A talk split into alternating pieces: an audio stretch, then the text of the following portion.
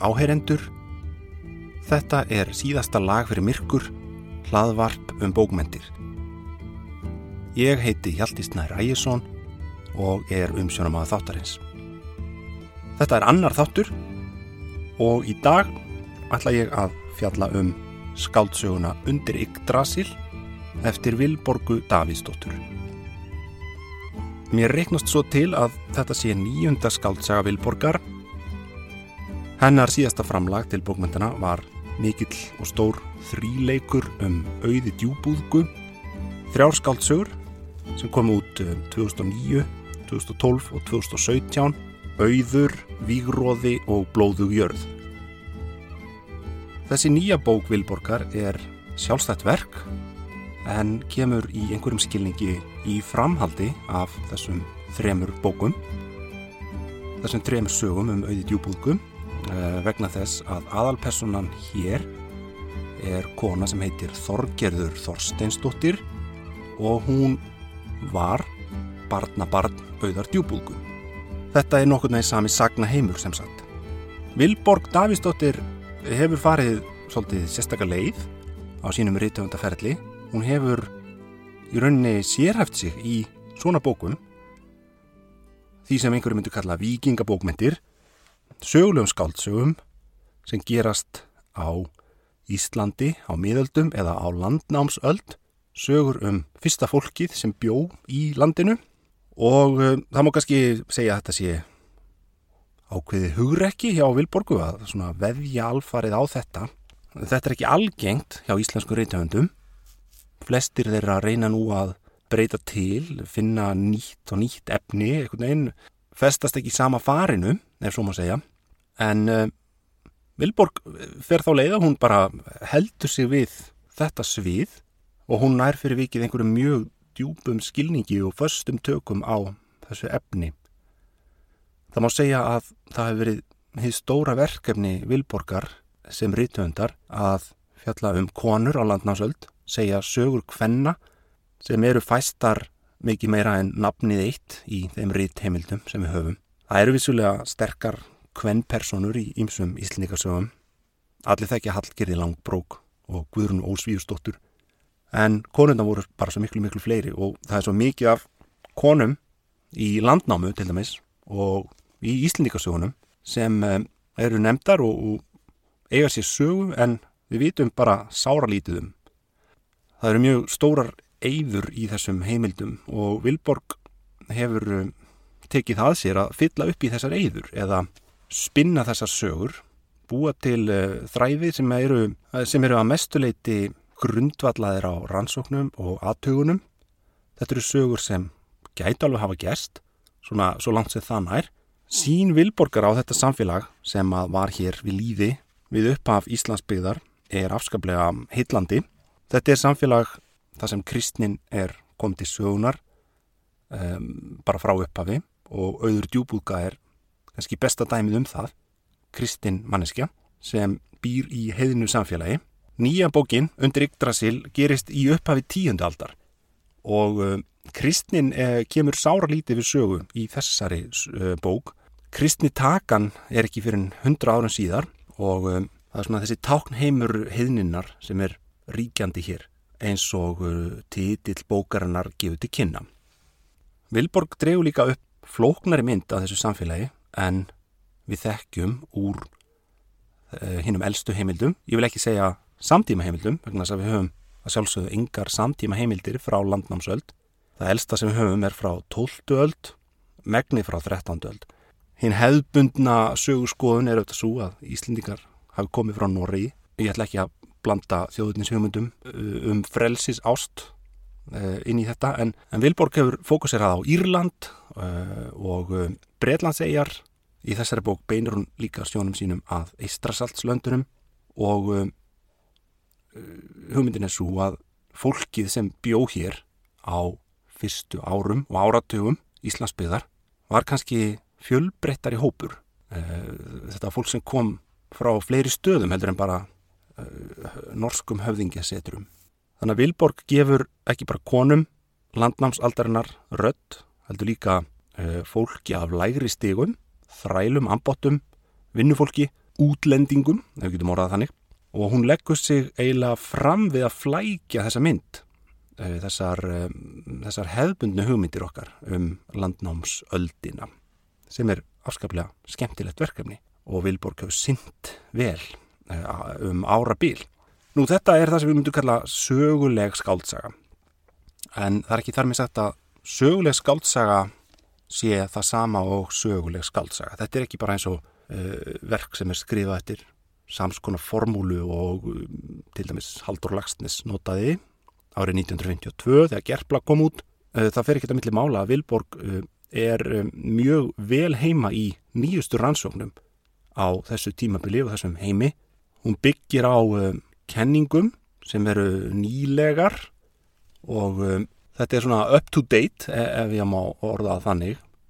Aðalpersonan í Undir Yggdrasil er Þorgerður Þorsteinsdóttir og hún er dóttir Þorsteins Rauðs sem var sonur auðar djúbúðgun. Þorgerður var móðir bræðranna Höskuldar Dalakollssonar og Hrúts Herjólfssonar sem lesendur þekkja væntalega úr lagstælu og njálu. Höskuldur er afi Bodla Þorleikssonar sem er aðalpersonan í lagstælu eða ein af þeim Þessir bræður eiga sviðið í upphafi brennunjálsögu þar sem eh, þeir ræða saman um dóttur höskuldar, Hallgerði Langbrók. Höskuldur spyr hrútbróðu sinn hvernig líst þér á stúlkuna. Hrútur er eitthvað treyóti svars en endur á því að segja þetta er afskaplega falleg stúlka en ekki veit ég hvaðan þjófs augu eru komin í ættir vorar. Það er sem sagt móður þeirra bræðra sem er aðalpersonan í þessari bóku Vilborgar. Þorgerður Þorsteinsdóttir er um, nefnd á örfáum stöðum í lagstæla sögum. Hún giftist uh, Kolli veðragrímsinni eða Dalakolli sem var einn af förunautum auðardjúbúðgu til Íslands. Um Dalakoll segir í lagstælu að hann hafi tekið sótt og andast og uh, síðan segir en Þorgerður Þorsteinsdóttir, móður Höskulds, var þá enn ung kona og hinn vænsta. Hún nam eigi indi á Íslandi eftir döða kolls. Lýsir hún því fyrir höskuldi síni sínum að hún vil fara utan með fjárhlut þann sem hún hlaut. Höskuldur hvaðst það mikið þykja ef þau skulu skilja en hvaðst þó eigi myndu þetta gera að móti henni heldur en annað. Síðan kaupir höskuldur skip hald til handa móður sinni er uppi stóð í dögurðarnesi. Reðst þorgerur þar til skips með miklum fjárhlut. En eftir það siklir Þorgerður á haf og verður skip það vel reyðfara og kemur við Noreg.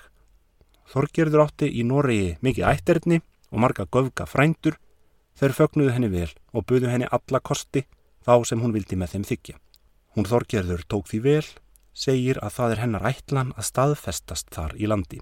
Þorgerður var eigi lengi ekja áður maður var til að byggja hennar. Sá er nefndur Herjólfur. Hann var lendur maður af virðingu, auðugur og mikils virður. Herjólfur var mikill maður og sterkur, ekki var hann fríður sínum og þó hins skörulegasti í yfirbræði. Allar manna var hann bestu vígur og er að þessum málum var setið átti Þorgerður svör að veita er hún var ekki og með frænda sinna ráði veikst hún eigi undan þessum ráðahag og giftist Þorgerður Herjólfi og ferd heim til bús með honum, takast með þeim góðar ástir. Sýnir Þorgerður það brátt af sér að hún er hinn mesti skörungur, þykir og ráðahagur Herjólfs nú miklu betri en áður og virðulegri er hann hefur fengið slíkrar konu sem Þorgerður var. Þau Þorgerður og Herjólfur eignast sónin Hrút en uh, Herjólfur tekur síðan sót og andast rétt eins og dalakollur fyrir maður Þorgerðar og eftir það fýstist Þorgerður til Íslas og vildi vitja höskulds svona síns því að hún unni honum um alla menn fram en Hrútur var eftir með frændum sínum velsettur. Þorgerður bjó ferð sína til Íslands og sækir heim höskuld són sinn í Laxardal Hann tók sæmilega við móður sinni, átti hún auð fjár og var með höskuldi til dauðadags. Fám vetrum síðar tók Þorgerður banasótt og andaðist. Og var hún í haug sett, en höskuldur tók fjö allt en hrútur bróður hans átti hálft. Nú, það er ekki mikið meira sem stendur um Þorgerði þessa í lagstælu, þannig að þetta er afskaplega uh, lítið af upplýsingum. Og Vilborg tekur sér það fyrir hendur að fylla upp í þessa mynd. Við vitum að Þorgerður bjó á Íslandi og giftist þar Eftir lát manns hennar þá festi hún eigi indi á Íslandi. Nú þetta getur þýtt svo margt um, og um, það er ómöld að vita hvað býr að baki. Þorgerður festi eigi indi á Íslandi og það er einmitt þessi sorg eða þessi áföll þorgerðar sem eru miðlagt atriði í skáldsögu Vilborgar og það er rétt að taka fram núna að ef einhverjir áherendur eru ekki búnir að lesa söguna og vilja ekki vita of mikið hvað gerist þá ráðleg ég ykkur að hætta að hlusta núna. Af því að ég get ekki fjallað um þessa bók á þess að afhjúpa allt þetta óvænta sem er í henni. Maður sá það svolítið á umfjölluninni um þessa bók uh, fyrir jólinn 2020 að uh, fólk, sagt, gaggrinendur vildu ekki gefa ómikið uppi og það er kannski bara góður regla. Það minnstakosti í almennum fjölmiðlum, þar sem fjöldi manns uh, les og hlustar, um, þá er auðvitað ágætt að, hérna, vera ekki með spoilera, eins og maður segir, en það verður fullt af spoilerum hér, þannig að þið skulið hætta að hlusta núna ef þið viljið ekki fá svo leiðis. En staðrendin er svo að þetta er um, svona einhvers konar spennusaga eða kannski glæpasaga. Það er glæpur í þessari sögu sem er ákveðin vendipunktur. Stór hluti bókarinnar snýstum það að finna um, laust á þeirri ráðgátu. Við lesendur búum yfir þekkingu sem Þorgerður hefur ekki og um, sagangengur svolítið út af það að, að, svona, að hún finni lausnina. Undir Yggdrasil hefst á uh, lýsingu á þinghaldi á Þorsnesþingi á Snæfellsnesi. Uh, hérna í þessum fyrstu köplum byggir Vilborg daldi mikið á uh, erbyggjasögum þar sem þessum atriðum er líst. Það eru tvær ættir sem eru fyrirferða mestar þarna, það er að segja lagstælir og Þorsnesingar uh, og það eru tvö, tveir leiðtogar eða tvö höfuð sikkur ættarnar, annars vegar auður djúbúðga hjá lagstælum og uh, svo er það uh, Þórólfur Mostraskegg hjá Þórsnesingum. Það er svona, það er ákveðin uh, ágreiningur til staðar á milli þessara ætta.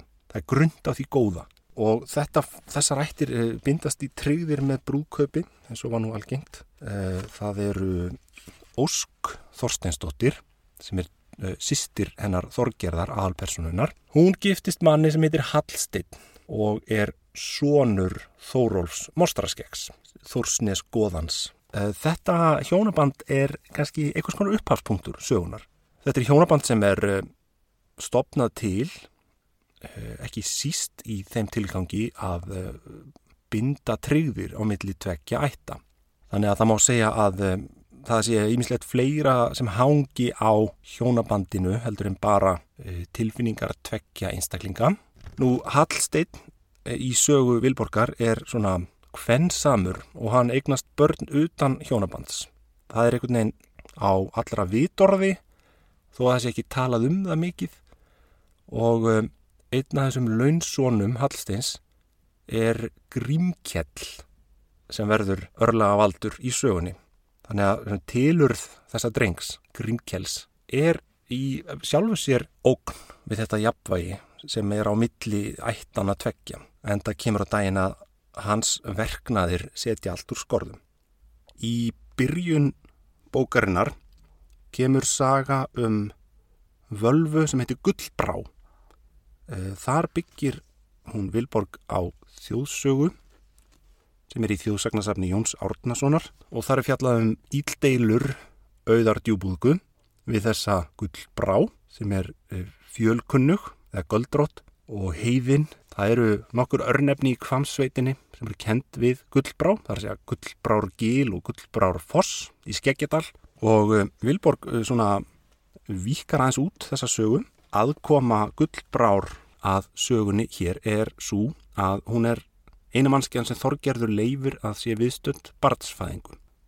Þorgerður eignast tvíbura þegar hún er sjálf ung og það eru fyrirnemdur Höskuldur, Dala Kollsson og Gróa, sýstir hans og svo nokkrum árum setna fæðist þriðja barnið Þorkalla eh, og hún, það er fæðing hennar sem er líst hérna í upphafi bókarinnar. Gullbrá er einhvers konar eh, ljósmóðir, Þorgerður er sjálf uh, svona mjög höll undir galdra eða heitlast að miskusti af þeim. Það er ljóst frá upphafi og hún leifir gullbrá að vera viðstattri fæðinguna en engum öðrum. Gullbrá fær síðan fylgjuna að launum og ætlar sér að nota hana í einhvers konar blótatöfn til freyju en Gullbrá verður fyrir óhappi á leiðinni heim. Uh, hún ætlar sér að fara yfir á en lendir í vaði og fer yfir á vittlisum stað og druknar í ánni. Auður djúbúðga, amma Þorgerðar, er ekki par ánægð með þetta samkrull þeirra vinkvennana, Þorgerðar og Gullbrár. Og Þorgerður augrar eiginlega ömmu sinni uh, snemma í bókinni uh, þar segja hún uh, ákveður að skýra ekki barnið að kristnum sið. Og auður setur fram varnaðar orð ef barnið er ekki skýrt þá mun ógæfa fylgja því Það kemur svo daginn setna í sögunu að þessi varnaðar orð auðar djúbúðguð er ekki innistæðulegs. Ógæðvan kemur fram og það má kannski segja að söguhöfundurinn hér taki að einhver leiti afstöðu með kristninni en málið er flóknar en svo. Það er heimsmynd heiðninnar sem er ríkjandi í þessari sögu eins og ég nefndi og það, hér eru freyju kettir sem skjótu upp kollinum, hér er farið til heljar, örlaga nortnirnar, koma við sögu og svona allur viðmiðunar heimur sögunar er heiðin. En í öllu falli, bókin hefst á þessu nýfætta barni, Þorköllu Hallsteinsdóttur og svo er spólað aðeins áfram, farið til ársins 901 þegar hún er sjóra og hún er með fjölskyldu sinni á Þorsnes þingi. Stúlkan slæst í för með nokkrum öðrum börnum og verður fyrir tilvíljun vittni að fúrnaratöfn þar sem manni er fórnað. Það er mjög dramatisk lýsing. Þórólfur Mostraskegg er þarna með völvu sér við hlið og einhver vesalings afbróta maður er þarna tekin af lífi og honum slátrað til heiðurs hinnum heiðnu guðum. Hér er líka byggt á erbyggjasögu. Þar segir frá því þegar þingstaðurinn er færður lengra inn í landið eftir að það kemur til blóðsúttellinga og gamli þingstaðurinn sörgast af blóði. Þá er ákveðið að, að sagt, færa fjórðungsþingið á nýjan stað og það segir þar sér enn dómring þann er menn voru dæmtir í til blóts. Í þeim ring stendur Þorstein er þeir menn voru brotnir um er til blóta voru hafðir og sér enn blóðslitinn á steininum. Nú þessi pínuletla klausa úr erbyggjasögu er eina heimildin sem við höfum varðveita það sem er talað um mannfúrnir í Íslands sögunni og um, það eru engar aðrar rítheimildir sem styðja þetta að þetta hafi í raun og veru verið gert og hvað þá fordleifar. Þannig að það er um, ákaflega lítil ástæð til að ætla að mannfórnir hafi verið týðkaðar á Íslandi e, e, en þó er það nefnt að það gengi út frá því í erbyggjasögu. Það er svolítið eins og höfundur erbyggjasögu hafi svona ekki getað stilt sig um að nefna þetta, hann hafi jæfnvel farið aðeins fram úr sjálfum sér, þannig að þannig er búið að opna á þann möguleika að mönnum hafi verið fórnað á þingum eða við trúaratafnir. Nú þegar rítöfundur eins og Vilborg Davísdóttir gengur inn í þetta efni og sér að það eru tveir möguleikar annarkort að það hafi aldrei verið mannfórnir á Íslandi eða þá að það hafi verið mannfórnir á Íslandi þá er að sjálfsögðu meira freistandi að velja þann kost að það hafi verið mannfórnir og þess vegna fáum við þessa mannfórn hérna í sögunni. Þorkalla, litla stelpan, uh, sér þetta og bara verður traumatiseruð nánast, þetta er alveg hrikalegt fyrir svona lítið barn að horfa á og uh, hún uh, fer svo heim í faðum móður sinnar en segir henn aldrei frá því sem hún sá. Þetta byrjar ekki vel, þetta er svona ógæfuleg byrjun á sögu. Snemma í sögunni er skiptum sjónarhorn og það er reyndar, hún gerir það nú daldi mikið í bókinni, hún Vilborg, hún flakkar á milli, þetta er svolítið eins og horf á bíómynd stundum, það er klift úr einni senu í aðra og stundum er þetta svona zigzag, fram og tilbaka, tvær senur, mjög skemmtilega gert. Það er kynnt ný persóna til sögunar sem er þessi Grímkjell. Grímkjell er unglingsstrákur og strax í upphafi eða strax í fyrsta atreinu þar sem hann kemur við sögu þá sjáum við að hann er afskaplega jáðarsettur, hann er tengsla laus og útskúfaður hann er eiginlega fórnarlamp eineldis og ekki nómið það heldur er gefið til kynna að hann sé á einhverju leiti skertur, hugsanlega misþroska og uh, svona gengur ekki hilt til skóar. Maður er svolítið svona tvístígandi gagvart þessari personu. Þetta er ílmennið í sögunni og um, það er eiginlega ekki gefin önnur skýring á ílskunni hér en að hún orsakist af vannþekkingu, uh, af svona slísum eða, eða ákvörðunum sem eru ítla ígrundar og teknar í hugsunarleysi. Og þessi drengur er vangefinn, verist vera, hann er sonur uh, kurlenskar konu og uh, það er að segja, hún er um, útlendingur, hún er ættuð frá uh, því svæði sem í dag er kallað Lettland. Uh, þetta er kallað Kurland í miðaldaheimildunum og hann er, uh, já, lausalegs barn. Hann er sonur Hallsteins en óskilgetinn og þar á leiðandi á hann ekki rétt á arfi eftir föðu sinn til dæmis. Hann lendir upp á kant við aðra drengi sem hafa miklu sterkara félagslegt bakland. Grímkjell er einrætt, hann vappar svona einn um þingvöllin og ágreinlega erfitt með samskipti. Hann er tvítingdur og um, maður ímynda sér að hans, uh, hann tali svona bjagað mál kannski. Móður hans gerir það í öllu falli. Við sjáum fyrst til hans út í drítskeri sem að kemur nú heldur betur við sögu í Irbyggja-sögu. Uh, skerið þarna hans fyrir utan þingstaðin þar sem menn fara til að ganga örna sinna og þetta er svona staður sem þú átt ekkert að vera á að öðru leiti. Þú, það er ekkert annað hlutverk en Grímkjell hann sér eitthvað sem aðri sjá ekki. Hann sér einhverja fegurð við staðin burt sér frá þessu notagildi sem að þingmennir hafa fundið fyrir staðin. Hann sapnar köðungum og steinum og finnur einhverja fegurð á sorphaugunum. Nú Grímkjall hefur engan sans fyrir sinni félagslegu stöðu. Hann telur sig vera meiri en hann er, ætlar sér meira en hann ræður við. Hann er skotin í gróu, sístur þorköllu og virðist vera svona jafnaldri hennar. Hann byður um hönd hennar og gerir sig að fýbli hreinlega. Fólki finnst þetta bara algjörlega absúrt hugmynd að þessi undirmáls drengur ætli sér að eignast slíka höfðingja dóttur. Um, ná hann er sár og reyður yfir þessu og um, það er í því ástandi sem hann hittir Þorköllu litlu, stelpuna, uh, sistur gróu og uh, allt í hennu bara, já hún svona sínur hann um einhverja samúð sem hann fær hverki annar staðar og það kviknar þessi skrítna hugmynd hjá honum að kannski sé hún bara betri kvennkostur. Hann eigi meiri séns í þessa stelpu heldur en sýstur hennar. Og ég endur teka Þorkalla er bara 7 ára. Í þessari mannfórnar aðtöfn sem ég nefndi áðan er e, það móðir Grímkjells sem að gegnir stórlutverki. Hún heiti Læma og kemur frá Kúrlandi. Hún er þarna hægri hönd Þorsniskoðans við aðtöfnina og Þórólfi Mostraskegg opnar á svolítið skemmtilegar vangaveltur um samspil valdsins við hinn að útskúfuðu. Því að hann var með gullbrá undir sínum verndarvæng og svo þegar hún deyr þá tekur þessi læma við, þessi útlenska kona sem er algjörlega ættlaus og valdalaus og fullkomlega jaðarsett manneskja en samt hefur hún þetta miðlega hlutverk í trúarmenningunni. Þórólfur Mostraskegg hefur læmu í hávegum. Hún er ambátt hans að nafninu til en uh, hún hefur þessa sérstöku hæfileika uh, þessa töfra um, eða fjölkingi og uh, þetta er eitthvað sem kallin heitlast af Þórólfur. Hann, svona, hann hefur eitthvað sérstakann áhuga á þessu. Þannig að móður Grímkjells er bæði lengst út á jæðrinum en hún er líka alveg í miðjunni.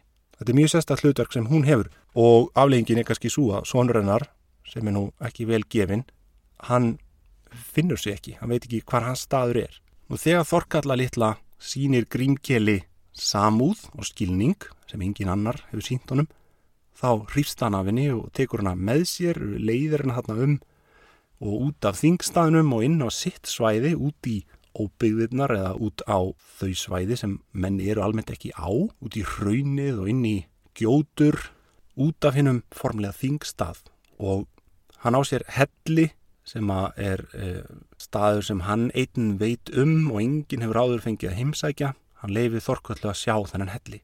Og svo tekur hann þetta skref uh, að hann lokar stúlkuna inn í hellinum. Sviftir hann að frelsi sínu. Hann uh, býr sér til heimili og uh, lítur svo á að þau séu föstnuð og séu bara, þetta séu bara þeirra framtíðar heimili. Hann nefnir hellin Grímkjell staði og Grímkjell hefur auðvitað um, þann ásetning að hann vil gera sér gildandi í samfélaginu, hann vil verða viðkendur, hann vil svona bara uppfylla þau hlutverk sem samfélagið ætlast til af honum. Og hann vil stopna fjölskyldu, hann vil eignast börn, hann vil um, gera sér gildandi. Og hann talar uh, Þorköllu litlu inn á það að hann fái að sofa hjá henni og uh, geta henni barn. Og það er afskaplega óþægilega senur þarna í hellinum. Og þetta eru tverja þrýr sólarhingar sem hún er tínd fólkið leitar aðeins út um allt og það kom upp tilgátur um að álvar hafi tekið hana til sín. Það sé hann ekki fyrir hennu eftir dúk og disk að læma átt að segja á því að það er sonur hennar sem hefur tekið stúlkuna og haldið henni fanginni.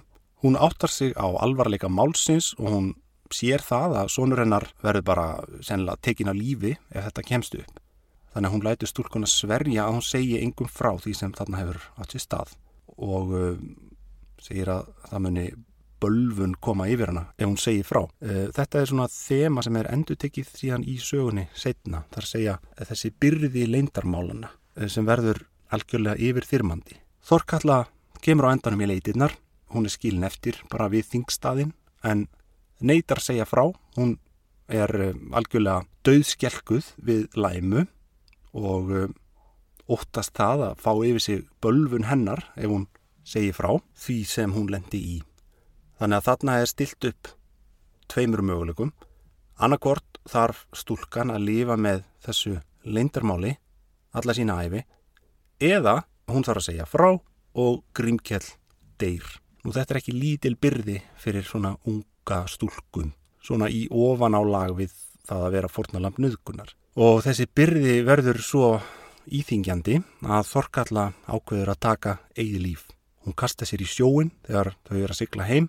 Nú við lesendur vitum að, að þetta er hennar ákverðun, hún ákveður sjálf að enda líf sitt en þeir sem eru meðin í bátnum viti ekki alveg hvort þetta var slís eða hvort þetta var ásetningur. Það kom hérna einhver nikkur á bátinn sem að gæti að voru til þess að hún hafi bara reynilega oltið um borð. Nú móðurinnar er að sjálfsögðu algjörlega yfirkomin af harmi og uh, það kemur hérna rivrildi þeirra hjónana, Þorgerðar og Kolls í kjölfarið sem enda nú bara með því að Kollur fær slag og deyr reynlega. Þannig að þannig eru komin tvö döðsföll með stuttumillibili sem að fólk uh, átta sér ekki alveg á.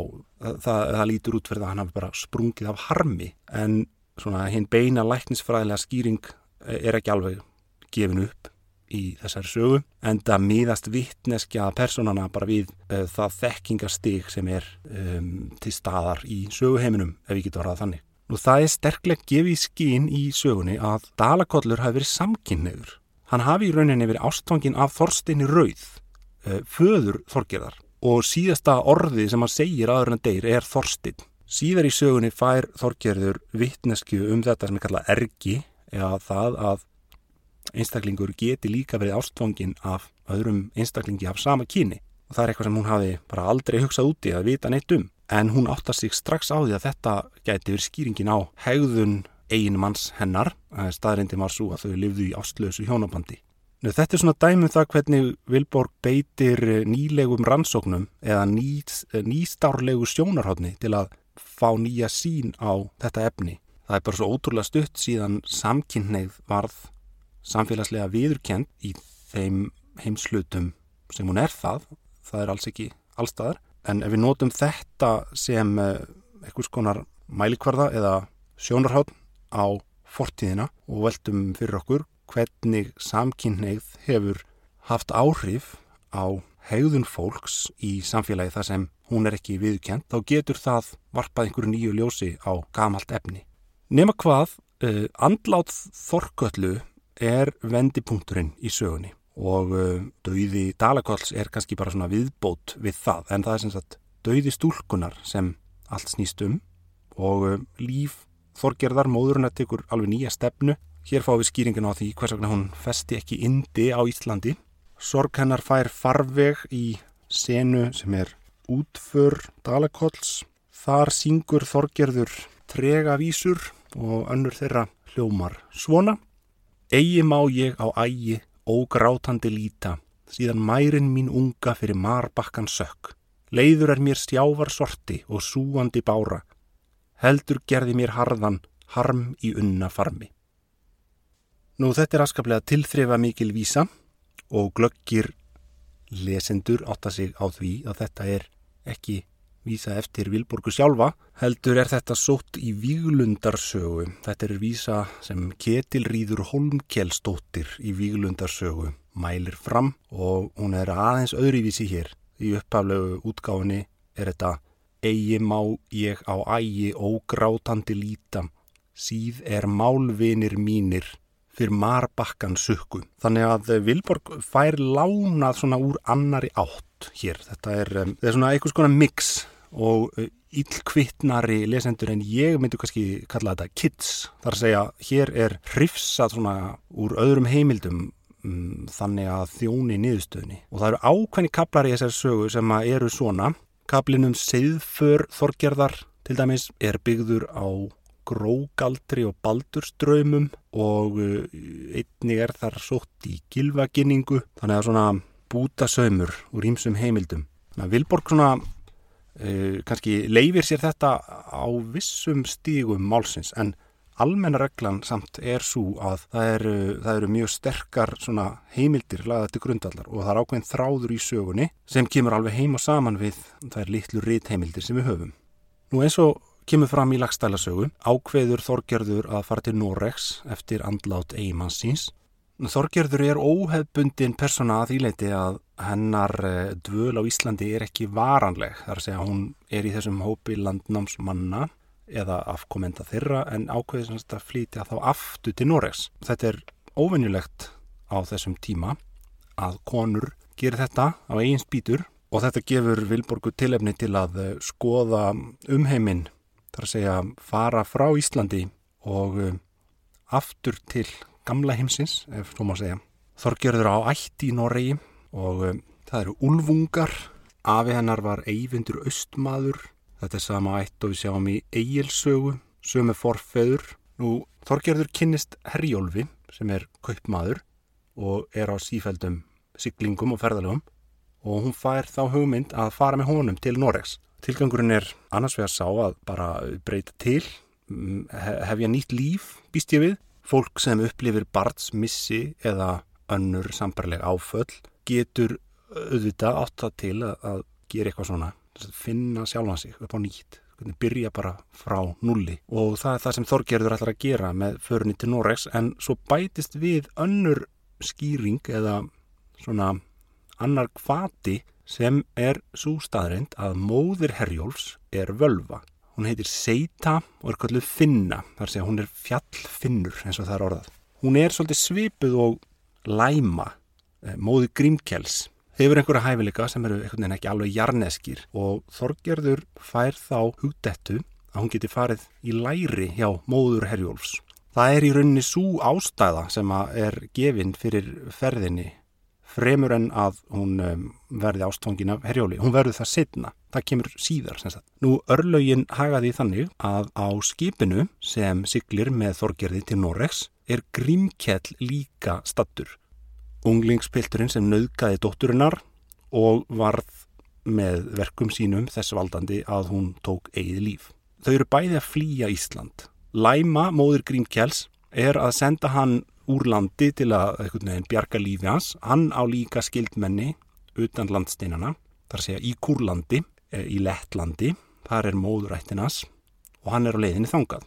Og þegar við sjáum þetta að þau eru stött þarna á sama skipi þá áttu okkur því að það er ekki búið að leysa málið það er eitthvað mun gerast, það mun eitthvað draga til tíðinda og um, svona setni helmingsögunar eru við í rauninni bara býð eftir því. Úlvungar ætt menn þorgerðar í Noregi þeir starfa sem skattheimtumenn fyrir bræðurna halvdán svarta og halvdán kvíta sem eru tvíburar, sínir Haraldar Harfagra þorgerður er sem sagt skild mönnum sem eru bara þarna nátengdir aðstafaldinu það kemur frásögnum dauða Hálfdans kvíta. Hann er drepin af kurlenskri siðkonu og þetta er, eftir sem ég best veit, tilbúningur Vilborgar. Það eina sem kemur fram í heimskringlu um dauða Haldáns kvíta eru eftir farandi orð í Haralds sögu Hárfagra. Haldán svarti og Haldán kvíti lágu í Viking og herjuðu um Östurveg. Þeir áttu orustu mikla á Íslandi, þar fjall Haldán kvíti. Nú maður geti álíktað að þessum orðum að hann hefði fallið í orustu en skýringin sem Vilborg gefur er einhver allt önnur skýring. Í hennar sögu nöðgar Haldán kvíti konu sem er fórnalamp eða eftirlifandi stríðsins en hann veit ekki að hún er segð kona hefur uh, fjölkingi eða galdra á sínu valdi og hún uh, drefur hann hreinlega. Uh, nú tekur við kapli í sögunni sem er seiður þorgerðar eða seiðförin. Þetta gerst á Jamtalandi sem er hér að í mið Svíþjóð og þar fer þorgerður í þessa för til heljar, hittir örlega nortninnar og maður aftast ekki alveg á því hver er tilgangur með þessum kapla. Þetta er svolítið svona sérstakur kapli eða bara svona sérstak heild inn í sögunni.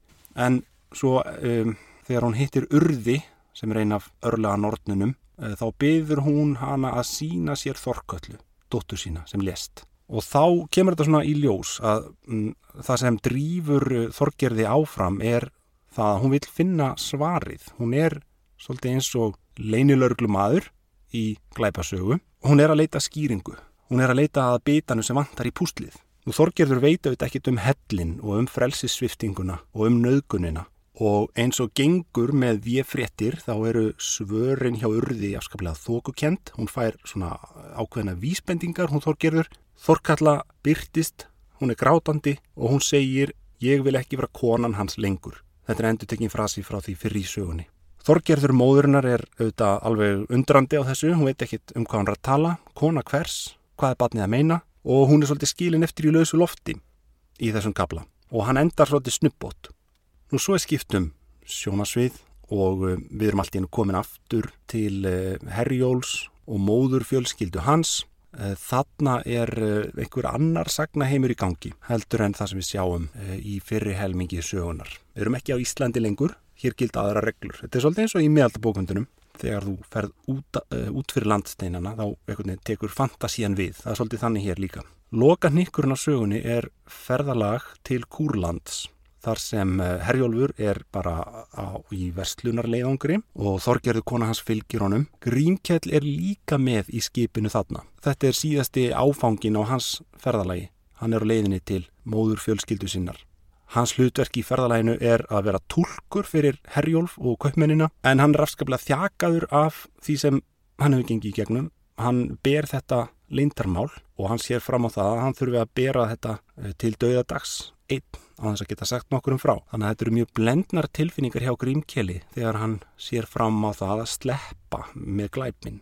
Nú síðustu kaplarnir í sögunni eru svolítið bara eins og bíómynd eða hasarmynd þar sem það er margt í gangi og ég ætla ekki að reykja það kannski alveg í smátröðum en málinn ægslast þannig að þótt e, kaupferðin sé velhefnuð og, og allir séu sáttir þá glóbrar grímkjaldi upp úr sér þegar normennir eru farnir að þessir menn sem eru nýfarnir þeir í þjónustu haldana svarta og uh, þá fáum við að vita það að norskir vikingar á hans vegum höfðu áður drepið móðurbróður grímkjals. Kúrlendinganir eiga semst harma að hefna og þeir ákveða að elda gestina uppi áður þeir komast burt. Grímkjall fer hins vegar á undan og lætur þau vita herjaflóð þorgerði varar þau við og hann í rauninni bjargar þá lífið þeirra. Hann fórnar sjálfum sér vegna þess að hann er skotin með ör og uh, er þarna í dauða teginum á skipinu hjá Þorgerði þegar hún er að hlúa að sárum hans og uh sagt, flettir uh,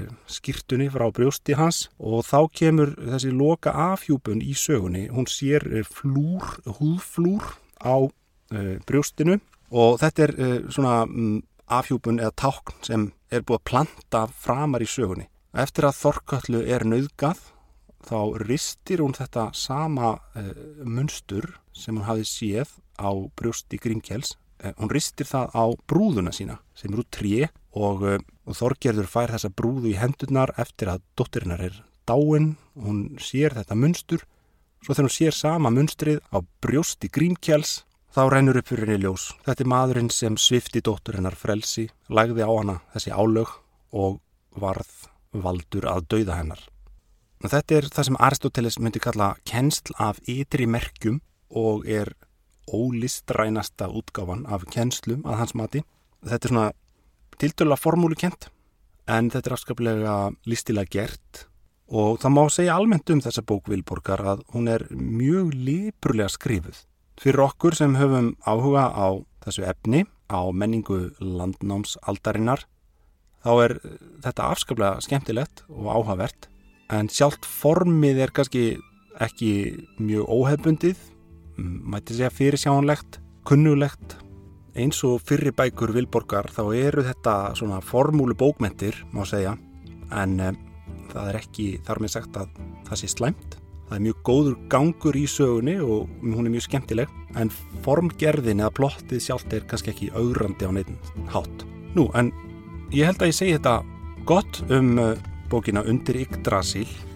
Þessi títill bókarinn er kannski svolítið skrítin, ég veit ekki hann, með grunnar hann hafi komið seint til sögunar hann næri ekki utanum nema lítið brot af sögunni og er kannski ekki lýsandi beint. En gott og vel. Undir Yggdrasil eftir Vilborgu Davíðsdóttur var bóku þáttarins á þessu sinni og við langaði til að halda hans áfram að skoða þennan sagnaheim Vilborgar. Í næsta þætti ætla ég að fjalla um skaldsöguna Auði frá 2009 og gá hvort við getum látið þessa bók varpa einhverju ljósi á hana Ég þakka þeim er hlýtu, verið sæl.